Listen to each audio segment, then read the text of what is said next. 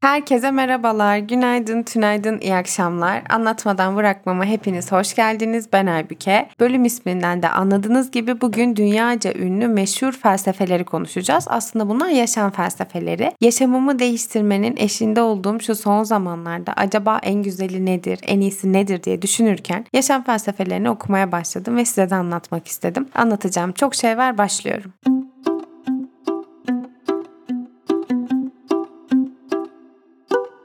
İlk olarak belki de çoğumuzun duyduğu bir felsefeden bahsedeceğim. Danimarka'nın meşhur Hüge felsefesi. Daha önce bir kelime rahatlık, huzur, ya da iç huzur demekmiş. Bu kavram Danimarka kültüründe bir yaşam felsefesini temsil ediyor. Hüge sıcaklık, samimiyet ve huzur hissiyle dolu bir ortam yaratmayı, küçük zevklerin tadını çıkarmayı ve anın keyfini sürmeyi amaçlıyor. Hüge'nin kökenleri 18. yüzyılda Danimarka'da ortaya çıkmış. O dönemde Danimarka'nın zorlu kış şartları insanları evlerine çekmeye ve iç mekanlarda birlikte zaman geçirmeye yönlendirmiş. Bu yüzden sıcak içecekler, özellikle kahve ya da şarap, ev yapımı alıştırmalıklar, mumlar ve rahat giysiler gibi unsurlar hügenin temelini oluşturmuş. Hani Pinterest'te gördüğümüz o mum, kahve, battaniye ve kurabiye fotoğrafları aslında tam olarak bu. Hügenin temel prensipleri arasında basitlik, bağlantı, mevcut anın değerini bilmek ve kendini şımartmak yer alıyor. Hüge stresli ve hızlı tempolu yaşamın getirdiği zorluklara karşı bir mola, bir nefes alma aracı olarak görülmüş. Birlikte yemek pişirmek, sıcak çikolata içmek, kitap okumak, mumlarla dekor yapmak gibi aktiviteler Hüge'nin bir parçası sayılmış yapmış. Hüge'nin temel amacı mutluluğu ve iç huzuru yaşamın küçük anlarından çıkartmak aslında. Yani çok eşya yerine az eşya ama anlamı derin eşyayı savunuyor. Aynı zamanda doğal ve sade yaşam tarzını teşvik ediyor. Stresi azaltıyor, sosyal bağları güçlendiriyor, mental ve duygusal refahı da arttırıyormuş. Danimarka'nın Hüge kültürü dünya genelinde de popüler. Az önce anlattığım görsellerle hele daha da popüler. Sırada İsveç'ten bir yaşam felsefesi var. İsveç, Danimarka deyince insanın bunları uygulayası geliyor zaten. Lagom İsveççe bir kelime. Tam olarak yeterli veya denge anlamına geliyor. Lagom aşırılıktan kaçınmaya, işte ölçülü ve dengeli bir hayat sürmeyi önemsiyor ve teşvik ediyor. Lagom felsefesi İsveç kültüründe uzun bir geçmişe sahip ve toplumun bir parçası haline gelmiş. Bu kavram sadece kişisel yaşamda değil, aynı zamanda iş hayatında, sosyal ilişkilerde de önemli. Lagom'un temel prensipleri arasında ılımlılık, uyum, eşitlik ve sürdürülebilirlik var. Lagom fazla fazlasıyla tüketmek veya aşırıya kaçmak yerine doğru dengeyi bulmayı teşvik ediyor. Yani bu felsefe gereksiz stresi azaltıyor, israfı önlüyor ve sade bir yaşam tarzını savunuyor. Logom hem bireysel hem de toplumsal düzeyde uygulanabiliyor. Yani kişisel hayatta gereksiz karmaşadan kaçınmak, az ama kaliteli eşyaya sahip olmak, zamanı ve kaynakları iyi şekilde yönetmek gibi unsurları içerse de kişisel hayatta bunları içeriyor. Ama sosyal hayatta da herkesin eşit bir şekilde katılımına, karar karar vermesine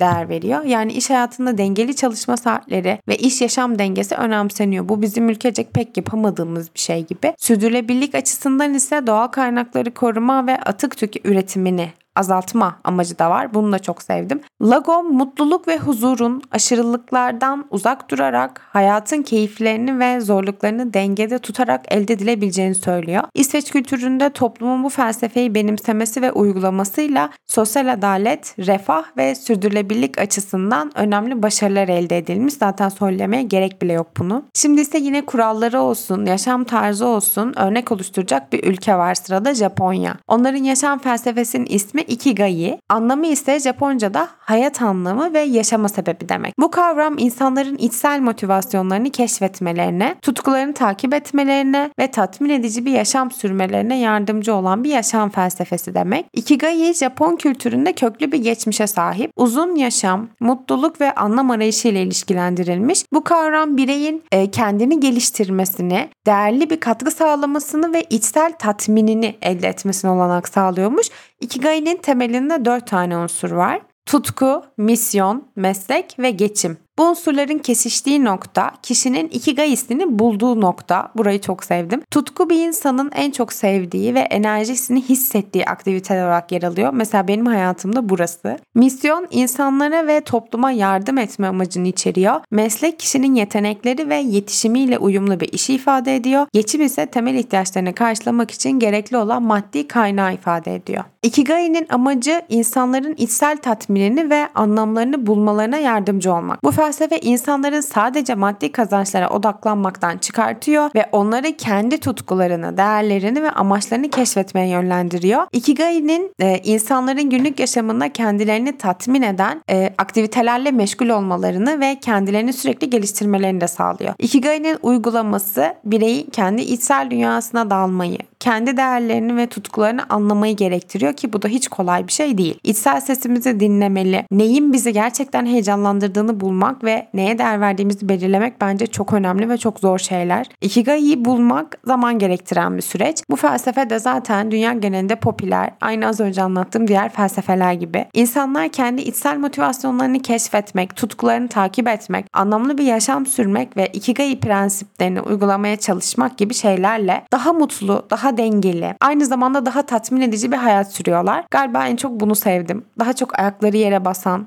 böyle çok minnoş romantizmler içermeyen bir felsefe. Ee, benim gönlümde bu yatıyor. Şimdi Güney Afrika'ya doğru gidiyoruz. Ubuntu felsefesini anlatacağım. Kelime anlamı ben, çünkü biz anlamlarına geliyor ve insanlar arasında bağlantı, dayanışma, birlik ruhunu sembolize ediyor diyebiliriz. Ubuntu insanların birbirleriyle empati kurması, saygı göstermesi ve karşılıklı yardım etmesi gerektiğine inanan bir yaşam felsefesi. Ubuntu'nun kökemi kökeni Güney Afrika'nın e, Bantu halklarına dayanıyormuş ve uzun bir tarihi geçmişi var. Bu felsefe topluluk merkezli bir yaklaşım benimsiyor ve insanların birbirleriyle ilişkilerinde de özverili, cömert ve anlayışlı olmaları gerektiğini söylüyor. Ubuntu'nun temelinde insanların birbirine karşı sorumluluk taşıması ve insanların ortak değerlerine saygı duyması yatıyor. Ubuntu'nun prensipleri arasında empati, hoşgörü, adalet, paylaşma ve insanlık değerlerine saygı var. Bu felsefe insanların diğer diğerlerine karşı açık fikirli olmalarını, anlayışla yaklaşmalarını ve birbirlerine yardımcı olmaları gerektiğini söylüyor. Ubuntu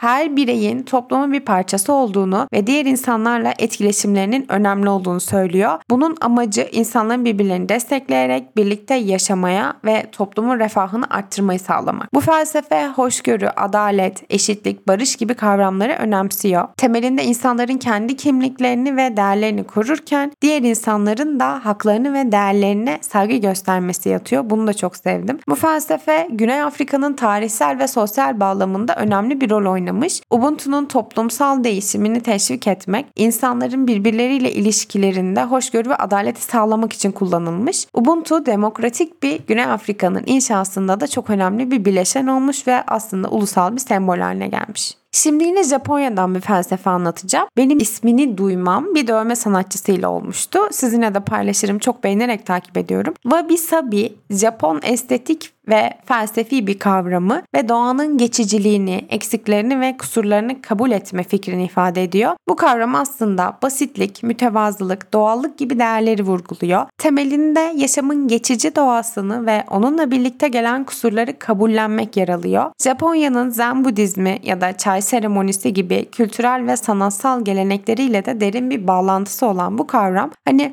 görmüşsünüzdür belki kırılmış olan fincanları ya da objeleri birleştirmek. Tam olarak bu. Ya anlatmaya çalıştığım şey tam olarak bu. Çünkü diyorlar ki kırılmış olan daha güzeldir. Çünkü yaşanmışlığı vardır demek. Aslında basit anlamıyla bunu anlatıyor. E, bu felsefe Japonların doğanın güzelliklerini takdir etme ve yaşamın anlık işte böyle kaçınılmaz değişimine uyum sağlama yeteneğini anlatıyor. Mükemmelliğin sürekli bir arayışı yerine geçiciliğin ve doğanın güzelliğine olan vurguyu yap. E, temel özellikler arasında sadelik, doğallık, mütevazilik, paslanma, yıpranma, düzensiz düzensizlik ve minimalizm yer alıyor. Bu kavram bir nesnenin ya da yaşamın kusurlarını eskiyen ve aşınan yüzlerini, yaralarını ve hatalarını değerli ve güzel olarak kabul etmeyi öğütlüyor. Bir nesnenin ya da yaşamın güzelliğini, karakterini onun mükemmel olmayan yönlerinde bulmayı öğretiyor. Bunu aslında modern dünyadaki tüketim kültürüne karşı bir duruş olarak da görebiliriz. Bu felsefe doğal kaynakları korumayı, sürdürülebilirliği ve sadelikle yaşamayı öğretiyor. Amacı insanları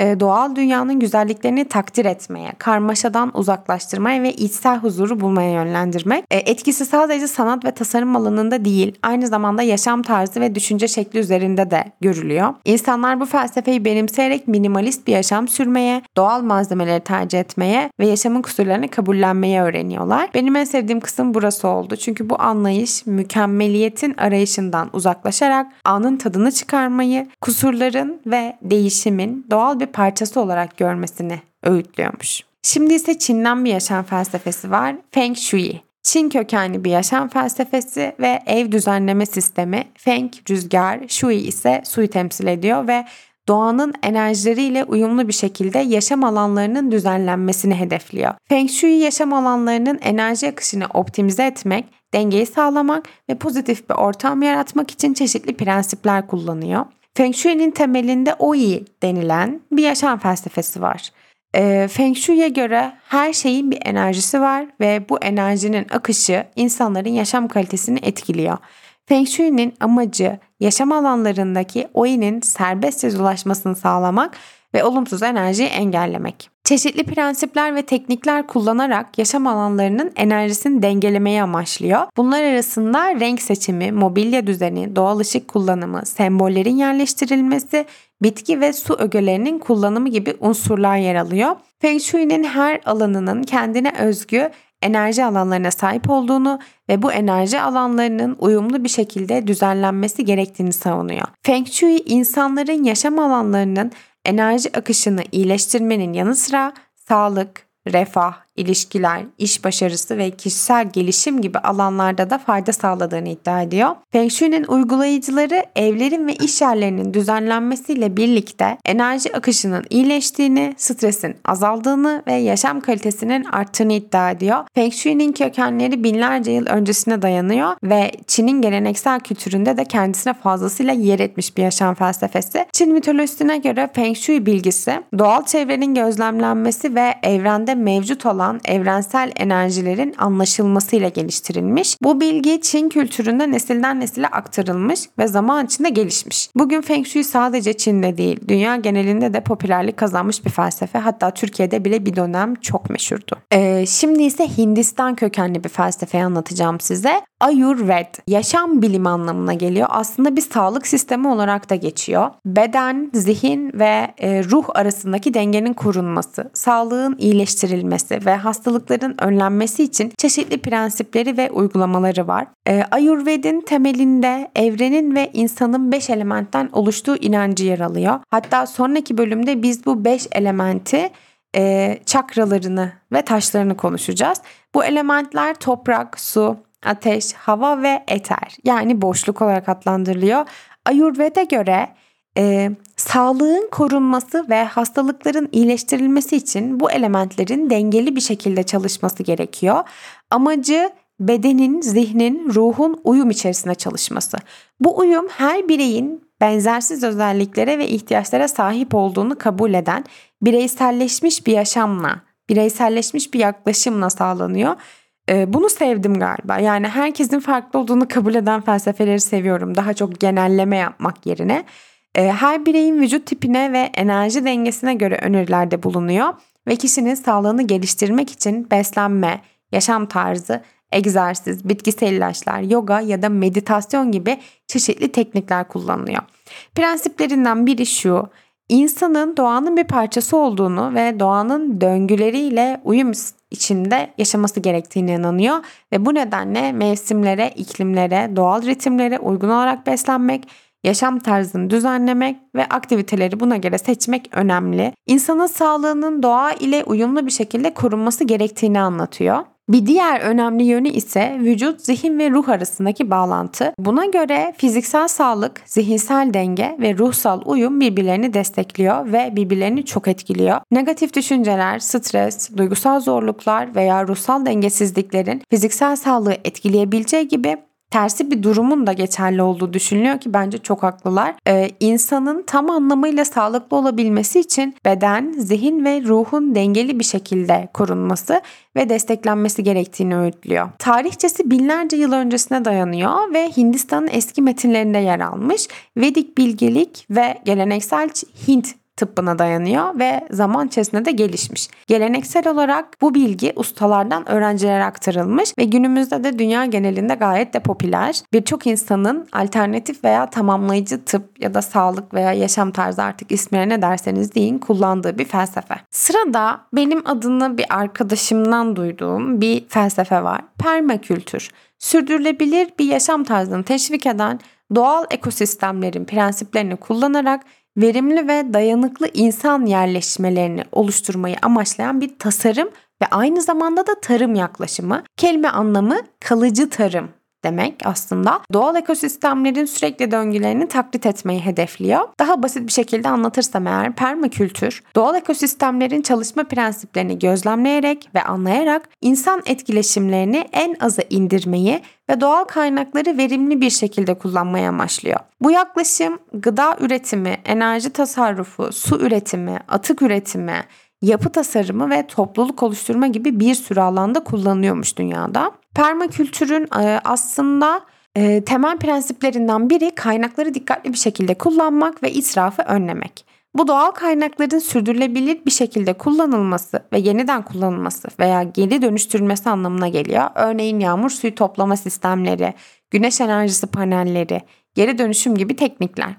Bir diğer önemli prensip ise biyoçeşitliliğe ve doğal ekosistemlerin korunmasına önem vermek.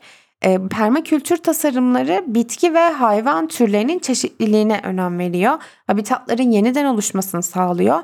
Bu doğal dengenin sağlanması, zararlı böceklerin kontrol altında tutulmasını sağlıyor. Yani hepsi birbiriyle bağlantılı aslında. Tasarım sürecinde de önemli bir rol oynuyor. Tasarımlar doğal enerji akışını dengede tutmayı, suyun toplanmasını ve yönlendirilmesini, bitki örtüsünün düzenlenmesini ve yemek atıklarının geri dönüştürülmesini içeriyor. Bu tasarımlar yaşam alanlarını, bahçeleri ve çiftlikleri etkili bir şekilde düzenliyor, verimli ve sürdürülebilir. Aynı zamanda estetik ve hoş bir ortam oluşturuyor. Permakültür toplulukları da güçlendiren bir akımmış. İnsanlar arasındaki işbirliğini, kaynak paylaşımını ve bilgi aktarımını sağlıyor. Permakültür toplulukları doğal kaynakları birlikte yönetiyor toplu pazarlar kuruyor, eğitim ve öğrenme fırsatları sağlıyor ve dayanışma içerisinde yaşamayı destekliyor. Sonuç olarak doğal ekosistemlerin prensiplerini taklit ederek ya da sürdürülebilir bir şekilde onlara uyum sağlayarak dayanıklı insan yerleşimlerini amaçlayan bir tasarım ve tarım yaklaşımı ee, siz de tahmin edersiniz ki ülkemizde daha çok yolu var gibi gözüküyor. Ancak bunun önemsenmesi gerektiğini düşünenlerdenim. Evet bugün sizinle dünyaca ünlü yaşam felsefeleri hakkında konuştuk. Daha çok bilinen ya da duymuş olma ihtimaliniz olanları seçmeye çalıştım. Daha çok yaşam tarzı var. İlerleyen bölümlerde belki bu yaşam tarzlarından, yaşam felsefelerinden bahsederiz. Anlatmadan bırakmam bitti. Herkese selamlar, sevgiler. Bir sonraki bölümde görüşene kadar kendinize çok iyi bakın.